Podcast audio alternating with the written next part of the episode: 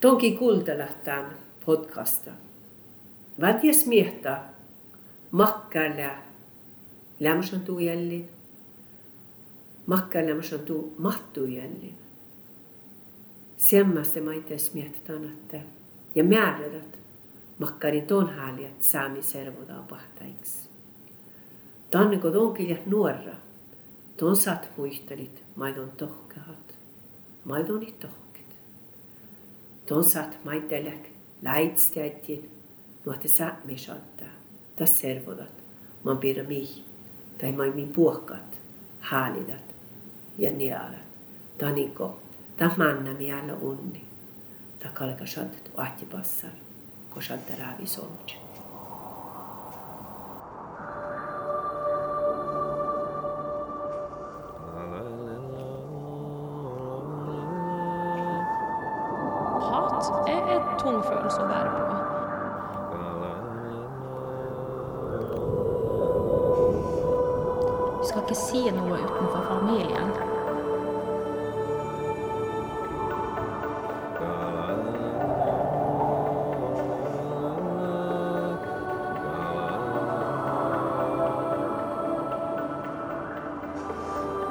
Mange av oss eh, lever under vold, lever med vold, eh, har kjent til vold i nære relasjoner.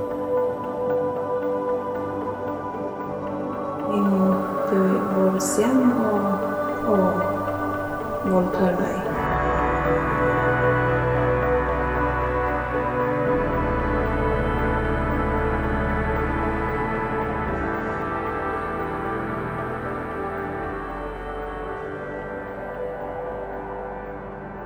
Denne podkastserien som vi har kalt Perspektiv, handler om å åpne dører i lukkede samiske samfunn.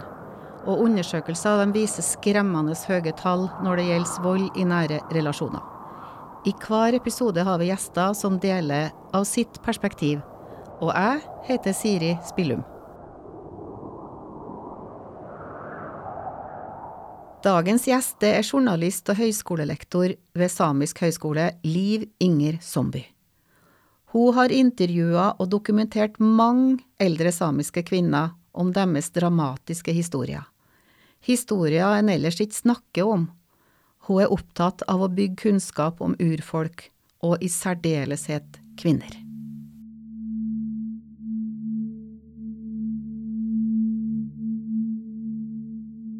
Jeg vet ikke hvor jeg skal begynne, men jeg kan egentlig begynne med når jeg var veldig liten og gikk på internatskole. Så var jeg opptatt av historier. Jeg var opptatt av det som skjedde på internatet. Og jeg så opplevelser, ting og hendelser som jeg tenkte man må dokumentere. Så jeg var vel 10-11 år gammel når jeg sendte brev hjem om at de må sende penger til meg, for jeg har bestilt eh, Tandberg båndopptaker fra Drammen. Jeg fikk aldri de pengene, og foreldrene mine fikk heller aldri eh, brevet. Så jeg regner med at det var husmora på internatet som tok og, og kasta brevet som jeg sendte. Men jeg begynte veldig tidlig som journalist. Jeg var bare 14 år gammel når jeg begynte å jobbe som journalist.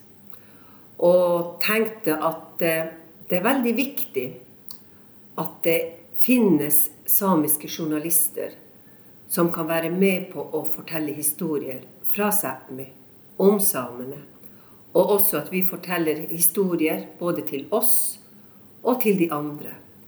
Så jeg var også opptatt av det her med hvordan man bygger opp kunnskap. Så jeg dro veldig tidlig ut også. Jeg var faktisk veldig ung når jeg reiste til USA for å bli kjent med, med hvordan hverdagen er i USA, og også hvordan situasjonen er for amerikanske urfolk. Og ikke bare det, men jeg var også opptatt av hvordan eh, samfunnet er bygd i, eh, opp i USA. Så jeg var nysgjerrig veldig tidlig. Eh, og det er sånn viktig for en journalist å være opptatt av historier man ikke snakker om. Så det er kort fortalt om meg, og jeg er oppvokst på finsk side. I en reindriftssamefamilie. Og eh, har gått på internatskole. Så historier vi ikke snakker om, det er jo de vi har lyst til å høre nå, da. Ja. I og med at du sitter på og har samla så mye informasjon. Ja, fordi at Allerede når jeg var ung journalist Jeg husker det en gang jeg reiste til eh, et av de her øyene i, i, i Finnmark. Som, og vi holdt på å lage sommerradio. Så var det slik at jeg kom hjem til en kvinne som bodde på en av de her øyene.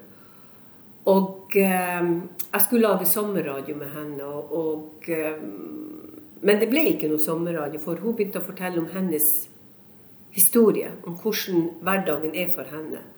Og hun begynte å snakke om den vanskelige hverdagen. Hvordan det var å være kvinne og ha en mann som ikke var snill med henne. Og om det at hun hadde egentlig veldig lyst til å forlate øya. Og hun hadde egentlig veldig lyst til å dra derifra. Eh, jeg var ung journalist. Jeg husker hvor redd jeg var for å få denne historien. For jeg tenkte men jeg kan jo ikke hjelpe henne. Og, og, og, og jeg klarer ikke det heller. Så jeg satt med henne i et par timer, og vi snakka om hennes situasjon. Jeg gjorde ikke noe opptak heller, fordi det var såpass privat. Men hennes historie har fulgt med meg, fordi det er også snakk om å, hvordan man skal bygge tillit når man skal fortelle om det. Og eh, senere så har jeg ringt til henne og hørt hvordan det går med henne, og, og, og om hun har det bra. Og uh, hun er veldig gammel nå. Um, men um, jeg så tidlig også at, i det samiske samfunnet så er det slik at det er veldig mange menn som forteller historier. Og det er veldig mange menn som blir intervjuet. Og det er de mennene de snakker på vegne av hele den samiske befolkningen. Så jeg begynte da å drodle litt på det her med at hvor mange kvinnehistorier er det vi samler inn? Så på begynnelsen av 1990-tallet, når jeg var ung journalist, så bestemte jeg meg for å lage et prosjekt. Nemlig det her med å dokumentere livene til kvinner. Og det som var fokussetningen min, det var følgende. Hvilke historier er det du bærer med deg? Og hvilke historier er det du ikke snakker om? Og det var krevende å, å begynne å tenke på det at hvordan skal jeg komme i kontakt med de kvinnene? Jeg reiste jo litt rundt for å få for å snakke med eldre kvinner. Og det var sånn at kvinner som var eldre enn 67 år.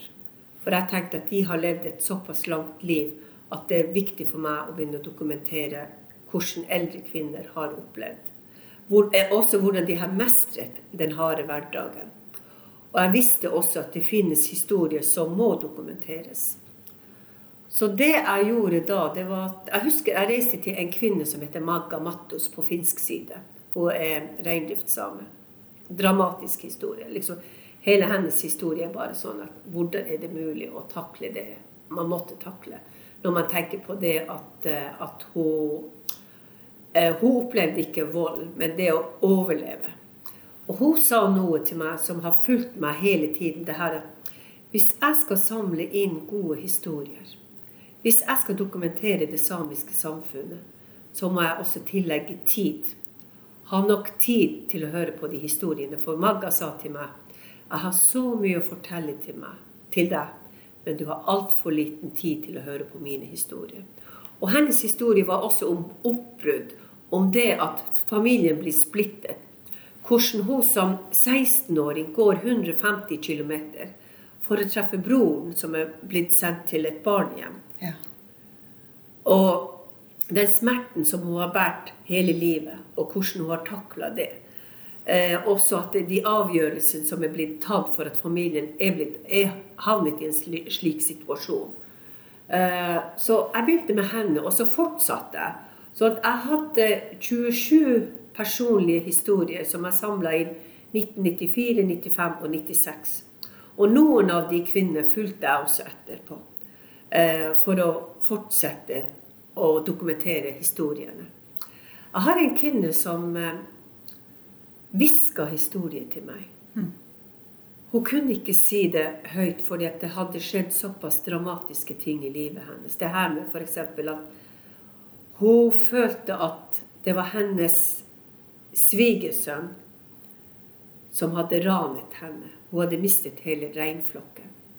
Men i tillegg til alle de her alvorlige kriminalsakene som hun har sett og opplevd, som aldri er blitt fortalt videre. Eh, det her med at det, begås såpass alvorlige kriminalsaker, med dramatiske konsekvenser for familien, eller denne familien. Hvor eh, et av hennes barnebarn velger å ta sitt eget liv. Og de andre barna, barnebarna klarer seg heller ikke. De jentene som er i familie. Og eh, hvordan eh, hun måtte bære på historiene med seg sjøl. Hvordan hun ikke kunne snakke med noen. Og, eh, og den her smerten som hun har i og med at hun kunne bare hviske historien til meg. Hun, hun, valgte husets minste rom. Det absolutt minste minste rommet som, som, var i hele huset. Det var en sånn liten bod hvor hun brukte å sy skaller. Og der satt hun og hvisket historier til meg om hvordan hennes datter er blitt mishandlet av, av eh, mannen sin. Og hva hun har sett. Og også om det her med at eh, hennes sønn, hvordan han behandler henne også, som er gammel. Sønnen var også alkoholisert. Det her med å, å være rett og slett fanget. Så det er For hun kunne vel ikke bare flytte og si det her vil jeg ikke være med på også færre? Nei, og det er jo det som er at uh, å flytte uh, og forlate og uh, Og jeg spurte mange av de her informantene mine, eller ikke, jeg vil ikke kalle det for informanter, men, men de som fortalte sine historier til meg, til meg, om hvordan de har klart seg. Og det var slik at mange av dem gjorde at det var jobben som berga dem. Det her med at de drev med dwatji. Lagde sydde skaller, sydde pesker, og, og, også det her med hva de holdt på med. Også det her med nære relasjoner, nemlig at hvordan de kunne kommunisere med sine søstre og kusiner. Og um, det, det var, det og mange av de kvinnene snakka også, og det, er i det samiske samfunnet når man tenker på at uh, Jeg sitter sjøl i Sannhets- og forsoningskommisjonen. Det her med denne fornorskningen. At hvis samer skal oppsøke offentlige institusjoner, at de skal gå inn i et kontor for å få hjelp med mine informanter så var det slik at, eller med de her kvinnene som intervjua, så var det slik at de var samisktalende. Og det var direkte uhørt for dem å gå inn i et kontor, fra, kjøkkenet og til et, fra deres kjøkken til et kontor og fortelle at de trenger hjelp. Og det er ikke sikkert at den som sitter bak eh, kontorpulten, forstår heller hva kvinnen vil fortelle. Så derfor er det veldig bra nå at vi har Sanag, SANGS, som, er, som jeg vil si at er en av de viktigste institusjonene som vi har i Sápmi. Og de tenker også på tvers av landegrensene. Det er ikke slik at det er bare samer bosatt på norsk side. Men at de bærer med seg hele Sápmi i sin visjon, og også at de som drar ut, de, de, de drar ut for å hjelpe samer. Uansett hvor de bor. Det er ensomt å bære på alvorlige hemmeligheter. Det kreves mot for å ha tillit til oss selv og andre.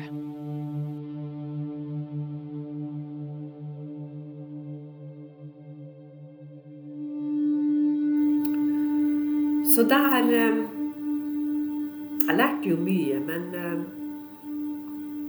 for å få tak i de historiene, de her kvinnehistoriene hvis jeg hadde sagt til dem at jeg skal intervjue dere nå, og så skal jeg kanskje publisere det neste år, så tror jeg ikke at jeg hadde fått de historiene. Og mens jeg begynte å få inn de her dramatiske historiene, personlige beretninger om, om det å mestre det som er vanskelig, om å snakke om det som man ikke har snakket om, eh, så så jeg at jeg har jo et alvorlig problem. Hvordan er det jeg skal behandle det jeg får inn? Så jeg valgte da å, uh, å, snakke med en advokat om hvordan jeg skal sikre at de intervjuene blir behandlet riktig. Jeg skjønte tidlig at, at, uh, at, jeg må være veldig ryddig i forhold til når jeg samler inn historiene. Så da lagde vi skjemaer hvor de også måtte krysse av at jeg kunne ikke fortelle de historiene før det har gått 20 år. Ja vel. Og årsaken til det er at Kvinner ville ikke bringe skam over familien eller slekta. De ville ikke at barna eller barnebarna skulle lide pga. det de har opplevd. Er det noe vi kan se i dag også, hvis vi kan dra en parallell på det du snakker om der? Om det med tro tro og ære i forhold til å ta vare på samfunn, eller sitt eget, sin egen uh, slekt? Eller egne relasjoner? Um, jeg syns det er veldig bra og viktig at det finnes samiske forskere som forsker på det som er smerte. Det som er vanskelig. Det man ikke snakker om. Jeg husker når eh, denne eh, Astrid Eriksen, da hun presenterte hennes forskning om vold i nære relasjoner, og, og hvordan samiske kvinner har fortalt til henne, så tenkte jeg Jeg kvakk først. For jeg tenkte oi, det var, det var virkelig høye tall. Og, eh, og, eh, hva er årsaken til at vi snakker så lite om det? Kan du fortelle litt om de tallene? For det, ja, for det, det, det, er jo slik at når Astrid Eriksen presenterer de tallene at annenhver kvinne har opplevd vold, at det er 50 Det betyr at hvis det er fire kvinner inne i et rom, så er det sikkert at det to av dem har, har vært utsatt for, eh, for, ulike typer vold. Og jeg tenker at på en måte så Når en samisk forsker gjør det og presenterer det, så, så føler jeg også som samekvinne eller samisk kvinne at det er så bra at det er en av våre som gjør det. At det ikke er igjen en norsk forsker, svensk forsker eller finsk forsker eller en fra utlandet som forsker om oss samer. Men at samiske kvinner har tillit til samiske forskere og har muligheten til å gi sin historie. Og til å delta i viktige forskningsprosjekter. Så der syns jeg at uh, SANKS er også på riktig vei når det gjelder det her med at hva skjer i det samiske samfunnet. Og NRL hadde jo også Norske Reindriftsamers Landsforbund, eller Norge Badsamere Rikasjärvi hadde også et viktig prosjekt det her med reindriftas hverdag. Uh, som uh, gjør at reineierne sjøl kan begynne å fortelle om hvor tøff hverdagen er. Så, så jeg føler at eh, Eller jeg savner, jeg håper at de som er unge samiske forskere i dag, unge journalister, unge forfattere, uh, unge politikere, samfunnsengasjerte Også det her med at samiske kvinner at de tenker at hvor hvordan, hva skal vi gjøre for å fortelle våre historier? Eh, også menn. Jeg, jeg, kan jo ikke, ikke, ekskludere, men jeg tenker det her med at eh, hvordan man i det samiske samfunnet kan ha sånn gode arenaer hvor man kan snakke om det som er tøft, og det som er vanskelig. Jeg husker jeg kom til en kvinne som, eh, som var, var i et rom eh, inne på et sånn, et, et, et, eh, sånn eldresenter. Jeg visste at hun satt der. Og hadde fått tips om henne, at det finnes noen som kanskje har en historie til meg. Og når jeg kom til henne, så husker jeg at de første intervjuene som jeg hadde med henne, det var at hun hadde egentlig ikke så mye å fortelle til meg. Livet hadde vært helt greit. Jeg så jo at hun hadde sannsynlige skader. Og, og jeg tenkte at jeg kan ikke slippe så lett. Jeg må dra tilbake igjen til henne og høre med henne at, om hun vil Og bygge tillit. Og eh, når jeg har snakka om hennes historie, så er det mange ganger når jeg har presentert det, at jeg blir veldig rørt. Eh, hvordan hun som kvinne har opplevd hennes ektemann har behandlet henne veldig stygt. Sånn at hun hadde fysiske skader også, og selvfølgelig også psykiske påkjenninger. Og når jeg omsider klarte å At hun begynte å snakke om det, så brukte jeg en del tid med henne for å, for å bygge det her med åtjo ditt, nemlig det her med å bygge tillit. At hun vet at jeg ikke bare er der for å hente hennes historie men at, at, at, jeg vil også behandle det slik at Og hun var veldig opptatt av at familien visste om det her. De hadde aldri snakka om det. Uh, hun hadde en søster som hun kommuniserte med om, om det å være i et uh, vanskelig ekteskap. Uh, men hun hadde ikke snakket med barna om det. Så når ektemannen døde, så var det sånn her Hvordan skal jeg si det? Det var relief for henne. Det var det her med at ah, nå kan hun begynne å leve et liv. Men hun var allerede gammel da. Så når han ble begravet, så felte hun ikke, hun felte ikke tårer. Og det provoserte ungene igjen. Fordi at hun sa at hun kunne ikke gråte for den behandlingen som han har påført henne, og ødelagt henne også. Jeg vil ikke fortelle hvordan hun var blitt, for det er også snakk om at jeg har lovet henne at jeg skal ikke snakke om det så lenge ungene hennes er i live. Jeg skal ikke fortelle hvordan hun var ødelagt heller. Og hun har fremdeles noen barn som lever. Eh, og så tenker jeg på det her med hvordan man klarer det. Det å bli påført slike skader. Og, og det var såpass dramatisk at jeg tenkte at eh, hjelpeapparatet, de som også skal ta vare på Nå snakker jeg om kvinner fordi jeg har intervjuet kvinner. Men å ta vare på kvinner og ta vare på barna, ta vare på familiene At de har også kanskje vært enøyd. Det, det her med at hvordan er det man skal bistå slik at man kan snakke om det. Men igjen, mens jeg intervjua de her kvinnene på 90-tallet, og jeg skulle gjerne ha fortsatt det igjen for å gjøre samme type intervjuer, snakke med eldre kvinner om hvilke historier er det du bærer med deg, og hvilke historier er det du ikke snakker om. Når er du taus? Så tenker jeg at eh, så jeg trenger slike dokumentasjonsprosjekter. Jeg har prøvd å, søke, å få midler til det, men det, det, er ikke så lett. Det er sånn at det uh, Jeg hører her at du er veldig opptatt av at åpenhet, da via historie, sin egen historie, er viktig. Ja, for hvis jeg tenker sånn at uh, hvis jeg skal få å bygge tillit og det å tenke at hvilke historier er viktige for det samiske samfunnet for å forstå hvordan vi har opplevd ulike tidsperioder.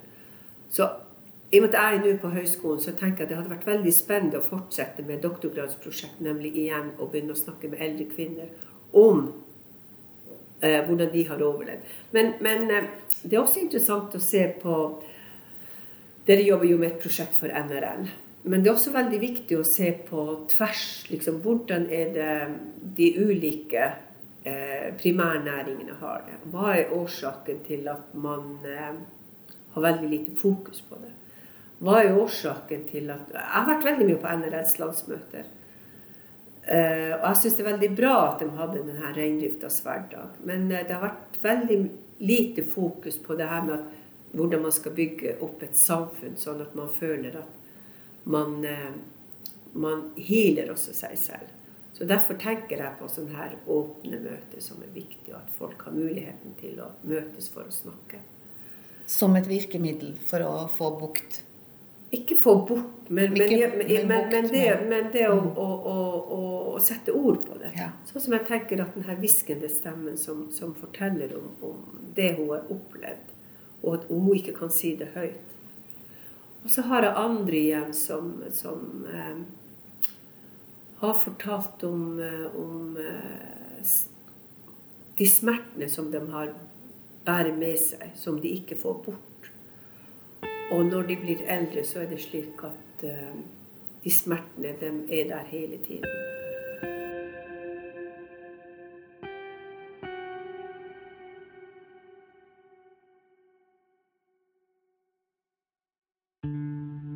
Ifølge politiet i Finnmark er det en høy grad underrapportering av vold, og omfanget av overgrepene er trolig langt større enn det som er målt. Hjelpeapparatet har vansker med å komme til, og de griper også i svært liten grad inn i egne lokalmiljø.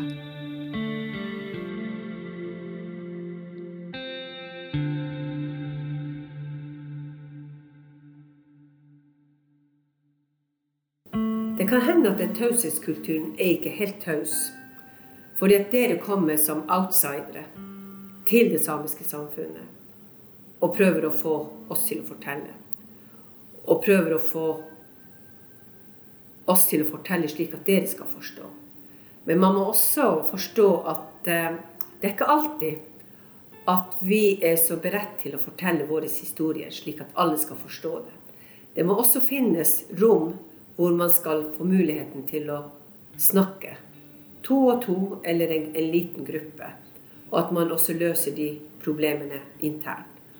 Og jeg regner med at det finnes, det må da finnes også muligheten når reindriftssamene er på fjellet, når elvefiskere er ved elvebredden, når fjordfiskere er ute, når også den her samiske akademikeren eller, eh, eller, konsulenten eller journalisten Det må da finnes interne rom hvor de snakker, som blir til sånn en myte om at samer ikke snakker.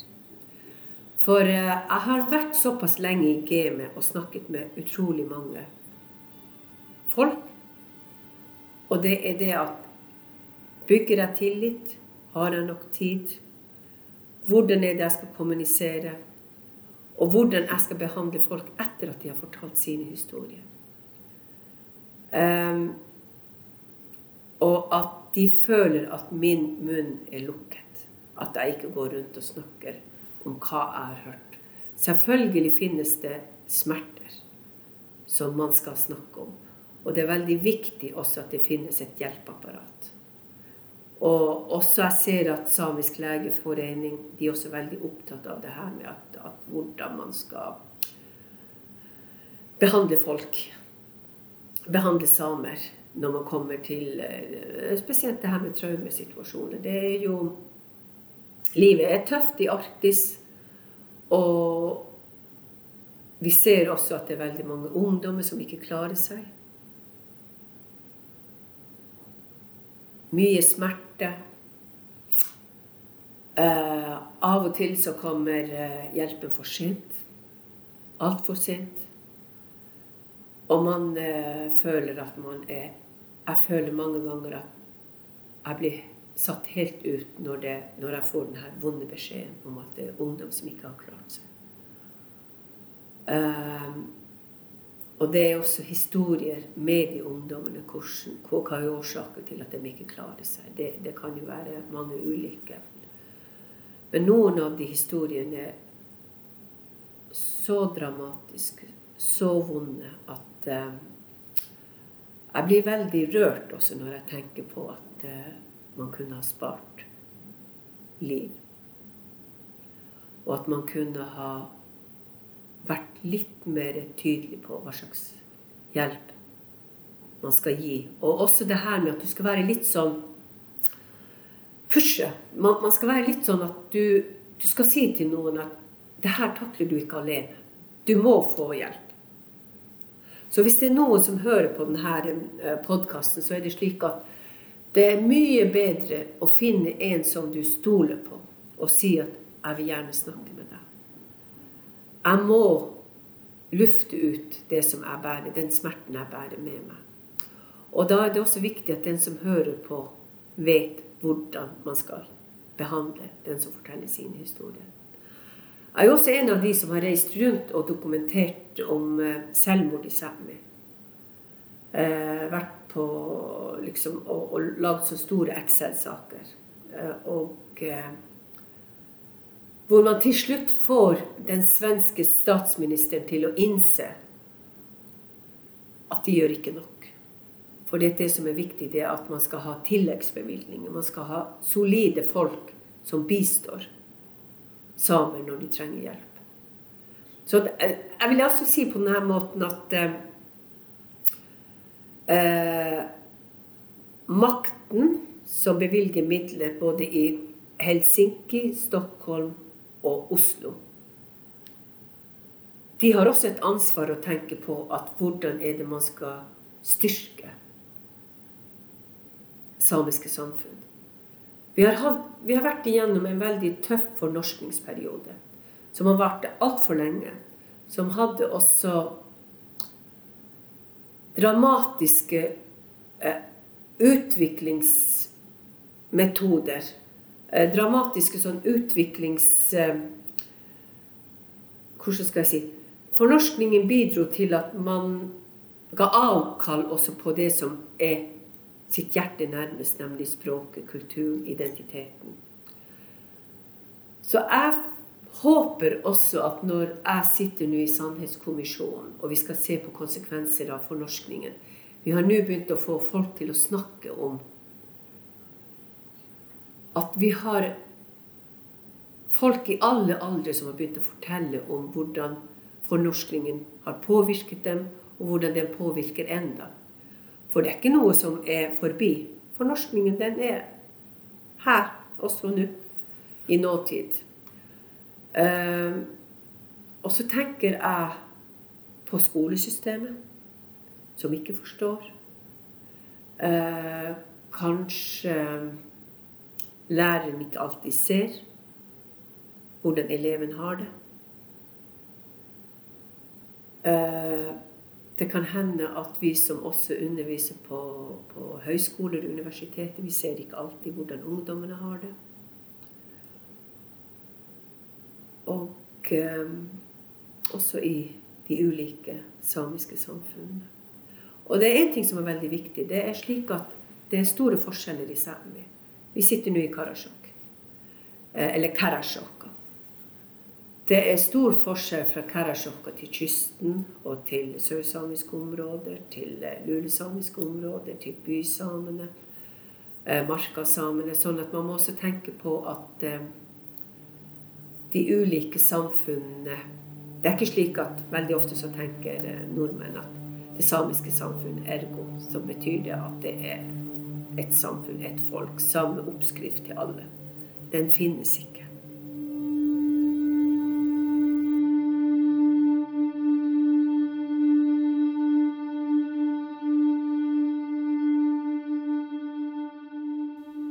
Når familiens ære oppleves å bli truet, og det tviholdes på gamle sedvane og tro for å holde på posisjoner og makt, så brukes uakseptable metoder.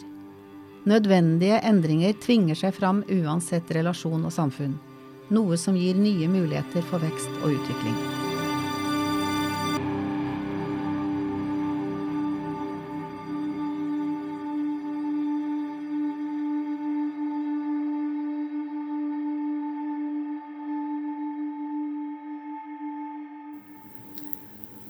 Sånn på tampen, har du en oppfordring til dem som hører på her? Hva kan de gjøre for noen ting i forhold til det med når de opplever en urett?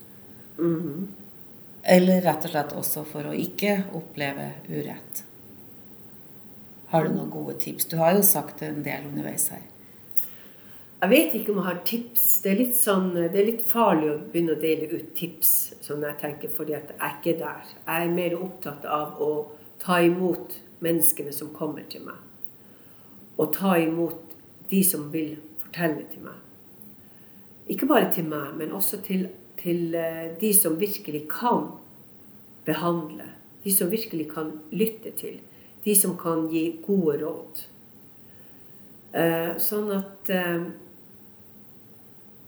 Sånn som en av de her kvinnene sa til meg når jeg kom til henne. Jeg har egentlig ingenting å si til deg. Mitt liv Det har ikke skjedd noe i livet mitt. Så tenkte jeg at oi, hvordan er det mulig at du er 100 år gammel, og det har ikke skjedd noe i livet ditt? Og så gikk det da flere måneder, så begynte hun endelig å snakke. Fordi at da hadde jeg vært med på å bygge opp tillit, sånn at hun forsto at jeg kom til henne med melkesjokolade, med kaker. Jeg hjalp henne litt og, og at, for å få denne historien. Hvor hun forteller om det å mestre livet. Det er også snakk om å forstå hva er årsaken til at man også føler maktesløshet? Og at hva er årsaken til at eh, Eller hvordan man klarer å finne lys uansett hvor vanskelig livet er. Og det er der vi må være litt som på vakt. At man skal bry seg. Og det samiske samfunnet Det er så viktig at vi er med på å forme dagens ungdom, slik at de skal bli gode ledere i fremtiden. Sånn at de tar det ansvaret som vi har tatt når vi har vært med på å bygge opp det samiske samfunnet. Men jeg ser for meg at det samiske samfunnet skal bli enda sterkere i fremtiden. Når vi ser på alle de som er med på å De samiske stemmene de er blitt så tydelige nå. Hva er det man ikke aksepterer? Hva er det man aksepterer? Hvor er det grensen går? Så jeg, jeg tenker sånn at det finnes så mange andre farger enn svart og hvitt. Og de fargene vil jeg dele til ungdommen og si at ta ansvar. Vær med på å forme fremtiden Sápmi. Uansett hvor du er. Om du er mann, ung mann, ung kvinne, ung mor, ung far. Gi Sápmi det håpet og den utviklingen som vi alle drømmer om. Så det er din stafettpinne? Ja, hvis, hvis, man, hvis, man, skal kalle det for stafettpinne. Men, men også det her med at uh, Gi dem Si til dem at det er dere som er fremtiden. Det er dere som skal være de som bistår. Men også at det er dere som skal være med på å rydde opp i uretten. Hvis de ser at det skjer ting som ikke skal skje i det samiske samfunnet. Jeg tenker på det her med at hvis de ser at eh, det er noen som ikke har det bra Du skal ikke begynne å kategorisere hva, hva som gjelder, og, og liksom, det er jo ulike miljøer også. Men at de tenker at uh, De tar valg som, uh, som gjør at Sápmi blir sterk. Og jeg er veldig glad for at det finnes unge menn som snakker. Det finnes unge kvinner som også snakker. Det finnes ungdom som forsker. Og det finnes veldig mange sterke stemmer i Sápmi som sier at dette aksepterer vi ikke. Og de sterke stemmene finner vi også i de mange ulike ungdomsorganisasjonene. Man finner dem også i Sidaen. Man finner dem inne på et kontor, hjemme, når de går på veien her. Og se at eh, Og så er det én ting som er Min anmodning, det er at Dagens ungdom de må være veldig sultne på det at de skal bli gode journalister i fremtiden. De skal våge å stille de spørsmålene som er viktige. Hva er galt med vårt samfunn? Hvorfor er det galt? Eh, kan vi akseptere det? Og så få folk til å åpne seg. Det er vi sjøl som skal være med på å sette agendaer. Eh, og eh, jeg tenker også at når vi får de unge, dyktige journalistene til å lage gode historier. Solide journalistiske produkter som kan være med på å si at hva aksepterer vi, og hva aksepterer vi ikke. Og med det så takker jeg for eh, besøket og for informasjonen, informasjon, for dine tanker rundt et viktig tema. Så tusen takk, Liv Inger Somby. Kiihtukupesin muisteli. For å si noe på samisk enda til. For dette her er noe til ja. mitt folk. Det får du. Tonki kuultelahtaan podcasta. Välties miehtä makkaille lämmösantuu jällin. Makkaille lämmösantuu mahtuu jällin. Semmästä maites mietitään, että ja määrädät makkaritoon haljat saami servoda pahtaiks. Tanne kun on niinku kirja nuorra, ton saat muistelit, maidon tohkehat, maidoni niin tohket. Ton saat maitelek, laitstjätjen, nuote saamisotta, ta servodat, ma pira tai tai mi puohkat, haalidat ja nialat. Taniko, niinku, ta manna miellä onni, ta kalka sattet ahtipassar. Passar, ko shatta raavi somja.